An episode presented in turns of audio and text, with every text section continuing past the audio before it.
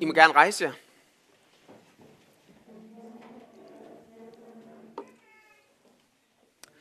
Vi skal lytte til evangelieteksten, som er fra Matteus evangeliet kapitel 21, vers 28-44. Der står, Jesus sagde, men hvad mener I? En mand havde to sønner. Han gik hen til den første og sagde, min søn, gå ud og arbejde i vingården i dag. Men han svarede, nej, jeg vil ikke. Bagefter fortrød han og gik derud. Så gik han ind til den anden søn og sagde det samme til ham. Han svarede, ja herre, men gik ikke derud. Hvem af de to gjorde deres fars vilje? De svarede, den første. Jesus sagde til dem, sandelig siger jeg jer, tollere og skøre skal gå ind i Guds rige før jer. For Johannes kom til jer og lærte jer vejen til retfærdighed, og I troede ham ikke. Men toller og skøre troede ham. Og skønt I så det, angrede I heller ikke bagefter og troede ham. Hør endnu en lignelse. Der var en vingårdsejer, som plantede en vingård og satte et gære om den. Han gravede en perse i den og byggede et vagtårn. Han forpagtede den bort til nogle vinbønder og rejste udenlands. Da høsttiden nærmede sig, sendte han sine folk til vinbønderne for at få sin høst. Men vinbønderne greb hans folk, og en prylede de, en anden dræbte de, og en tredje stenede de. Han sendte nogle andre folk, flere end første gang, men de gjorde det samme ved dem. Til sidst sendte han sin søn til dem, for han tænkte, de vil undse sig for min søn. Men da vinbønderne så sønnen, sagde de til hinanden, det er arvingen. Kom, lad os slå ham ihjel og få hans arv. Og de greb ham og smed ham ud af vingården og slog ham ihjel. Når nu vingårdens ejer kommer, hvad vil han så gøre med de vinbønder? De svarede ham, et ondt endeligt vil han give de onde, og overlade vingården til andre vinbønder, som vil give ham høsten, når tiden er inde. Jesus sagde til dem, har I aldrig læst i skrifterne? Den sten bygmesterne vragede, er blevet hovedhjørnesten. Det er Herrens eget værk. Det er underfuldt for vores øjne. Derfor siger jeg jer, Guds rige skal tages fra jer og gives til et folk, som bærer dets frugter. Og den, der falder over denne sten, bliver kvæstet. Men den, som stenen falder på, vil den knuse. Amen. Værsgo at sidde ned.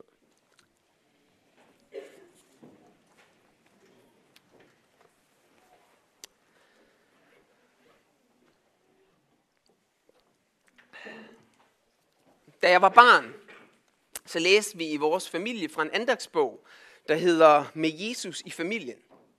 Og jeg tror egentlig, vi læste fra den over flere år. Jeg, som jeg kender mine forældre, så læste vi også hver eneste dag, medmindre der var et eller andet helt særligt. Og det er godt at gøre, vil jeg lige sige, parentes bemærket. Jeg kan ikke huske alle 365 stykker, men der er faktisk flere stykker, som står sådan ret klart. Enten den sådan lille fortælling, der var, og nogle gange også pointen. Det er ikke altid, jeg kan huske pointen. Nogle gange kan jeg bedst huske den der fortælling, der var. Men der er nogle af dem, der står klart her 30-40 år efter. I et af stykkerne, der handler det om, at der ligger nogle aviser og flyder, sådan som jeg husker det, inde i stuen. Og så beder en af forældrene de to børn i familien om at rydde op i de her aviser. Den ene svarer ja, det skal jeg nok, men gør det ikke. Den anden svarer, som I måske kan regne ud, nej, men alligevel går vedkommende hen og rydder op i aviserne og gør det, som forældrene faktisk bad om. Jeg husker ikke alle detaljer i det her stykke, og hvis jeg kender mig selv ret, så kan det også være, at allerede på det her tidspunkt, så begyndte mine tanker at flyve. Det gør de nogle gange, når man sidder og lytter til et andagsstykke. Det kender I sikkert også. Måske gør de det også nogle gange, når man lytter til en prædiken. Og hvis I kender det lige nu, så er det nu, at I kan invitere tankerne tilbage igen til fokus her. Øhm, men jeg kender det i hvert fald godt, og jeg kendte det ikke mindst som barn, når jeg sad og hørte sådan et andagsstykke. Måske var mine tanker allerede stukket i retning af, jamen, der var ikke nogen af dem, som gjorde det, som de egentlig skulle. Man kunne vel egentlig svare, at det er helt galt med dem begge to. For den ene fejler ved at svare nej. Det er jo ikke i orden, når mor og far beder om noget. Tror jeg, både forældre og børn herinde godt ved. Den anden fejler ved, at han eller hun godt nok siger ja, men det viser sig jo at være decideret løgn. For der handles ikke på det. Aviserne blev ikke fjernet. Der mangler ligesom en i den her historie, som siger ja, og som gør det. Og nu deler jeg en tanke med jer, som jeg ikke nødvendigvis tror, jeg lige havde som barn. Men i min prædikenforberedelse kom jeg faktisk til at tænke på, om det er Jesus. For han er jo den, som siger ja, når far kalder, og siger gå til de der mennesker på jorden.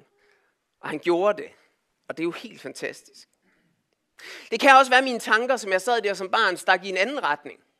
For der mangler jo en mere i fortællingen.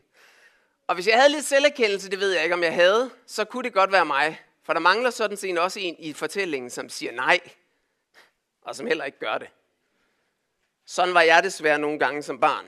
Øh, ikke altid, vil jeg gerne sige, men nogle gange. Men det lader vi ligge nu, for det er ikke det, som prædiken den skal handle om. Bibelverset i det her andagsstykke, det har jo formentlig været hentet fra netop den tekst, som vi hørte før. Teksten om de to sønner, som af deres far bliver bedt om at gå ud i vingården. Og den ene siger, nej, jeg vil ikke, men går alligevel. Og den anden lige modsat, ja herre, men han går ikke. Og hvad skal vi så lære af den her lignelse? Det er jo det gode spørgsmål, hver gang vi hører en af Jesu lignelser. Det jeg husker fra andagten i min barndom, det var noget i retning af, at vi skal handle. Så den gode, det er også det, som de siger i teksten, det er den af sønderne, som rent faktisk gør noget. Den, som adlyder. Og det vil også umiddelbart være min pointe i den her lignelse. Men er det så det hele? Er det så enkelt? Eller er der måske mere i lignelsen? Jeg tror nemlig godt på, at lignelser, som Jesus fortæller, kan have mere end én pointe, have mere end et lag, så at sige. Og jeg tror, at der er en pointe i lignelsen, som handler om, at vi i hvert fald ikke skal ligne ham, som godt nok siger ja, men som ikke gør noget. Ham tror jeg ikke, vi skal ligne. Det er vel lidt ligesom dem, som Bibelen nogle steder kalder for dem med en død tro. Vi læser om det i Jakobs brev for eksempel. Ja, Jesus, jeg vil gerne være din, jeg vil gerne tilhøre dig, jeg vil gerne tro på dig, men jeg vil godt nok ikke gøre det, som du siger, jeg skal.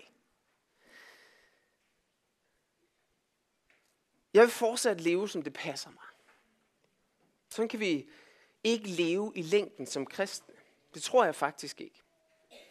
Jeg tror, at det bliver til en død tro, og måske på den længere bane til en ikke eksisterende tro overhovedet.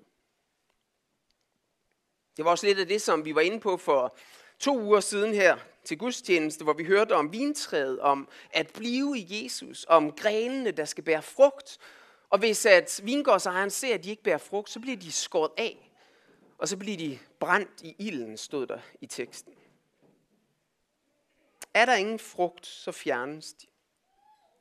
Så ja, det er formentlig en pointe, at vi ikke skal ligne ham, der siger ja, men ikke gør det. Men det er vel næppe pointen, umiddelbart, at vi så skal ligne den anden, som jo altså siger nej. Skal jeg virkelig efterligne det? Jeg tror, at noget af pointen her er, at det gør du allerede. Det gør vi alle sammen. Vi er allerede den, som siger nej. Og vi skal efterligne ham, der sagde nej, i det, at han fortrød. Nej, jeg vil ikke, svarede han godt nok. Men bagefter fortrød han. Vi kunne måske nærmest sige, bagefter omvendte han sig. Han sagde godt nok nej, men fortrød det. Og det er det her, tror jeg, som får Jesus til at pege på de værste syndere på den her tid. Tollerne, skørerne, dem der virkelig havde sagt nej, tydeligt og klart med deres liv. Og så siger Jesus, at de skal gå ind i Guds rige før dem, som Jesus egentlig står og taler med. Hvem er det, han står og taler med? Han taler med fejserne, med de skriftkloge, med folkets ældste. Og hvorfor skal de det? Det skal de jo ikke på grund af deres nej. Men det skal de, fordi de fortrød, og de omvendte sig. Med hele deres liv sagde de nej til Jesus, de her toller og skøre. Men da de mødte ham i virkeligheden, da de lyttede til hans ord, så omvendte de sig og tog imod Jesus. Jeg tror, det er det, som vi skal ligne i den her lignelse. Men så er det som om, at der måske er et lag mere i teksten, hvis vi graver lidt. Og det bliver endnu tydeligere, når vi også lytter til den efterfølgende lignelse, som Jesus han fortalte, og som jeg også læste for jer før. Og det var helt sikkert endnu tydeligere for dem, der stod og lyttede første gang. Og hvorfor var det det? Det var det, og med risiko for at støde nogle af jer, men det var det, fordi de kendte Gamle Testamente bedre, end I gør. Og det kan være, at jeg tager fejl med nogle af jer, det vil glæde mig. Men de kendte det gamle testamente, de kaldte det ikke det gamle testamente, men det var jo det, som vi kalder det gamle testamente. Moses, profeterne osv. Det kendte de, de her, som Jesus han stod og taler til. Og derfor så forstod de måske også det dybere lag i den næste lignelse. Kender vi det gamle testamente? Ja, nogle af teksterne. Men hvis jeg spørger jer, så ud over forsamlingen, hvor mange herinde ved, hvad der står i Esajas kapitel 5, vers 1-7? Kan det godt være, at det bliver sådan lidt sløvt med håndsoprækningen? Der er sikkert nogen af jer, som er så ydmyge, at de ikke rækker hånden op lige nu. Lars, han ved det, fordi han styrer teknikken. Det er godt, Lars. Hvis der var nogen, der spurgte mig for en måned siden, som jeg siger ærligt, det havde jeg ikke lige kunnet svare på. I 53, var det det, du spurgte om, så skal jeg nok sige det til dig. Esajas 5, 1-7, ej, jeg er lidt blank.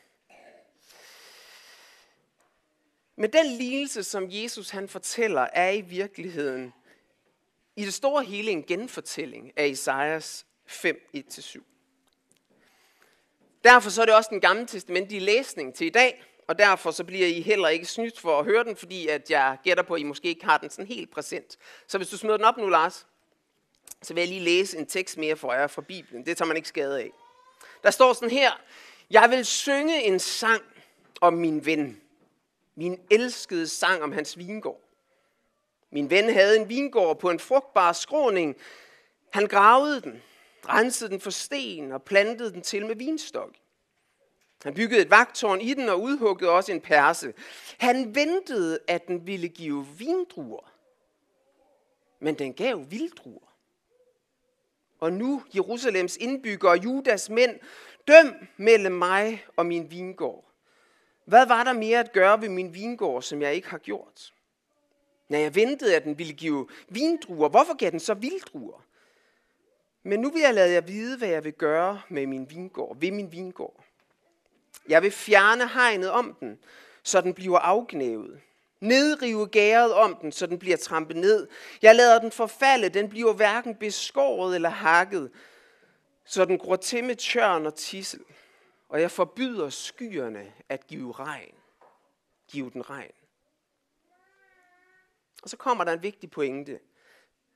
For herskers herres vingård er Israels hus, og Judas mænd er hans yndlingsplante. Han ventede ret, men der kom retsløshed. Han ventede retfærdighed, men der kom nødskrig. Bare til teksten af igen, tror jeg. Så når Jesus siger, hør endnu en lignelse. Der var en vingårdsejer, som plantede en vingård og satte et gær om når han gravede en perse og byggede et vagtårn. Ja, så ved de det allerede, dem der stod og lyttede. Jesus taler om Israel. Vingården er Israel, Guds udvalgte folk. For herskers herres vingård er Israels hus, sagde Isaias. Og den samme pointe var, som sagt, måske også i den første lignelse med de to sønner. Jeg tror, Israel i virkeligheden er sønnen, som siger ja. De mener, at de siger ja. De mener at følge Gud. Vi er Abrahams børn. Men de gør ikke det, han siger. Og helt grundlæggende, så gør de ikke det, at de tror på, at Jesus er Messias. Tollerne, skøerne og vel egentlig alle os andre med, vi siger med hele vores liv nej til Gud. Vi handler stik imod Guds vilje. Vi fødes med ryggen mod Gud, som nogen har formuleret det.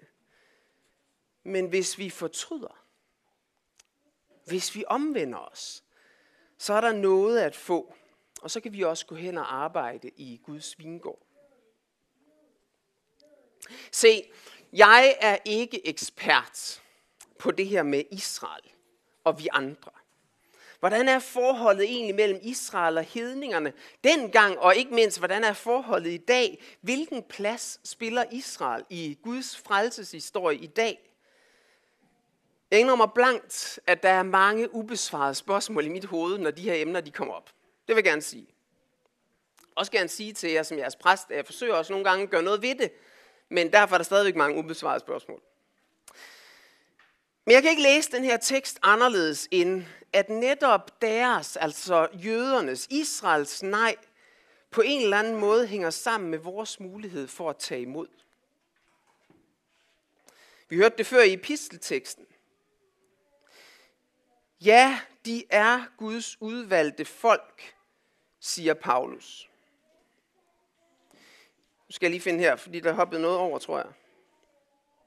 Nå, der hviler en forhærdelse over en del af Israel, siger Paulus, indtil hedningerne fuldtalligt kommer ind.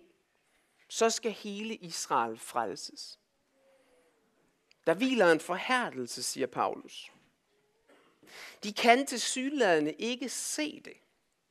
Deres øjne var og er lukket. De kan ikke se, at Jesus er Messias. Langt de fleste af jøderne. De var lukkede på Jesu tid for de skriftkloge og farisæerne, og det er de også i dag. Nogle af jer ved det, nogle af jer ved det ikke, men jeg har lige været en tur i Israel igen som rejseleder. Og grunden til, at nogle af jer i hvert fald ved det, det er, at de var med. Øhm, på den her tur, hvor jeg rejste rundt i Israel og reciterede bibeltekster, så var vi også på et tidspunkt ved grædemuren. Og det var vi ikke på et tilfældigt tidspunkt, men det var vi fredag ved solnedgang. Der, hvor jødernes sabbat begyndelse, og hvor der er fest og fantastisk stemning ved grædemuren.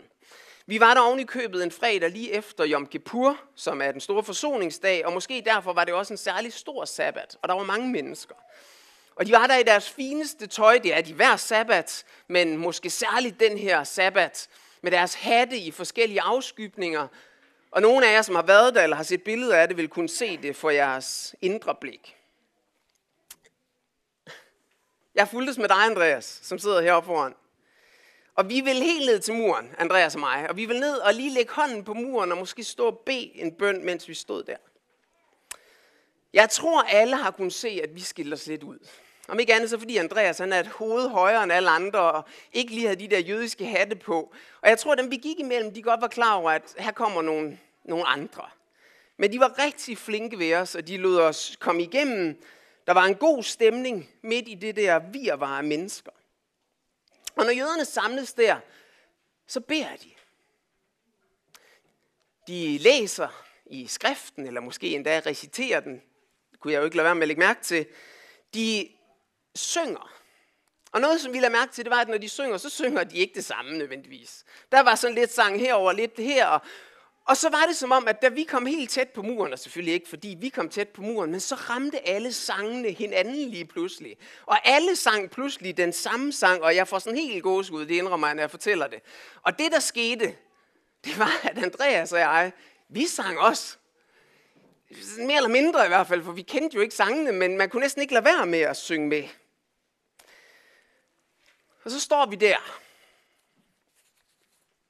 Og det var enormt stemningsfyldt. Og på mange måder blev det en helt særlig oplevelse for os to, tror jeg. Men så slog det os, og vi talte ikke om det, mens vi var der, vi talte om det senere. Og det var også det, som kom til at fylde vores bønder, mens vi stod der. Alle de her feststemte mennesker, de kender ikke Jesus. Man kan godt blive grebet af stemningen sådan en dag. Men de mangler det helt centrale. De mangler Jesus. Ikke fordi han ikke vil have med dem at gøre, men fordi de ikke har set, at han er den Messias, som de helt konkret står og beder om må komme. Så stemningsfyldt det end var, så var det samtidig også enormt trist, ja nærmest sorgfuldt. Der hviler en forhærdelse, skrev Paulus, over en del af Israel, indtil hedningerne fuldtalligt kommer ind. Så skal hele Israel frelses. Som sagt, så er jeg slet ikke ekspert på alt det her med Israel. Men så langt som jeg kan se, så er der en eller anden sammenhæng her. Der var noget, som skulle ske, for at vi hedninger kunne få del i frelsen. Paulus skriver også i teksten, læst før, for ligesom I, og det må altså være os, hedningerne, han taler til, det er romerne, han skriver til, for ligesom I engang var ulydige mod Gud, men nu har fundet barmhjertighed, og så kommer det som følge af deres ulydighed. Altså vi, hedningerne, har fundet barmhjertighed som følge af deres, Israels, jødernes ulydighed. Jeg indrømmer gerne, at det her det er svært. Måske både svært at forstå, men også hvis vi forstår det, svært at acceptere den logik, der skulle være i det. Jødernes forkastelse af Jesus som Messias er på en eller anden måde med til at bane vejen til Guds barmhjertighed for os. Man kan sige, et sted, hvor den helt konkret og direkte var det, er jo ved, at de korsfæstede Jesus. Ikke de jøder, som vi stod sammen med, men nogle andre for 2000 år siden. De forkastede ham som Messias, og kun igennem det klyngede de ham op på korset. Og han oplevede, som vi hørte det før, det er da den mest fantastiske oplevelse, den med Jesus påskemorgen. Ikke? Men det skete jo igennem deres forkastelse af ham som Messias. Netop derved blev vejen banet for os til tro på Jesus. Det er ikke nemt at forstå, og nogen sidder måske også med spørgsmålet, hvad skal vi bruge den info til? Hvad er konsekvensen af det i vores liv, Claus? Hvad er det, tekstens ærne er for mig, som sidder her i 2022? Jeg ved ikke skråsikkert, hvad konsekvensen lige er i dit liv helt specifikt. Men jeg mener at stå på sikker grund, når jeg siger, at en af konsekvenserne er, at vi skal fortælle om Jesus. Når der for eksempel står, der hviler forhærdelse over en del af Israel, indtil hedningerne fuldtalligt kommer ind, så skal hele Israel frelses. Jamen så kan jeg måske ikke nødvendigvis se dybden i det, men jeg forstår, at Gud ønsker, at mennesker skal frelses. Både jøder og alle vi andre. Eller måske bedre formuleret lige nu, både alle vi andre og så jøderne. Selvom der også er noget samtidigt over det her. Der er åbenbart noget, der skal ske, inden hele Israel frelses. Og det må der være et kald til mission for os. Og så er vi lidt tilbage ved den første lignelse, når vi bliver kaldt om at gå hen og arbejde i Guds vingård. Vi skal sige ja, og vi skal gøre det. Og skulle det ske, at vi siger nej, for det gør vi, så skal vi fortryde og bekende vores synd og så skal vi sige ja og gå hen og arbejde. Vi, der tror på ham, vi, der bygger vores liv på hovedhjørnestenen, som vi hørte om, vi må have hast med at fortælle andre mennesker om Jesus. Jøder og hedninger, gamle og unge, toller og skøre, folk, der bor tæt på Tangesø, og dem, der bor langt, langt væk, rige og fattige, børn og voksne, naboen, men også familien og dine fjerne grandfætter. Alle, gå og fortæl, at Jesus frelser den, som tror på ham. Gå og fortæl, at sine nådegaver og sit kald fortryder Gud ikke. At Gud har indesluttet alle, også dem du taler til, i ulydighed, for at vise alle, også dem du taler til, barmhjertighed. Gå og fortæl, at Jesus er Messias. Lad os bede.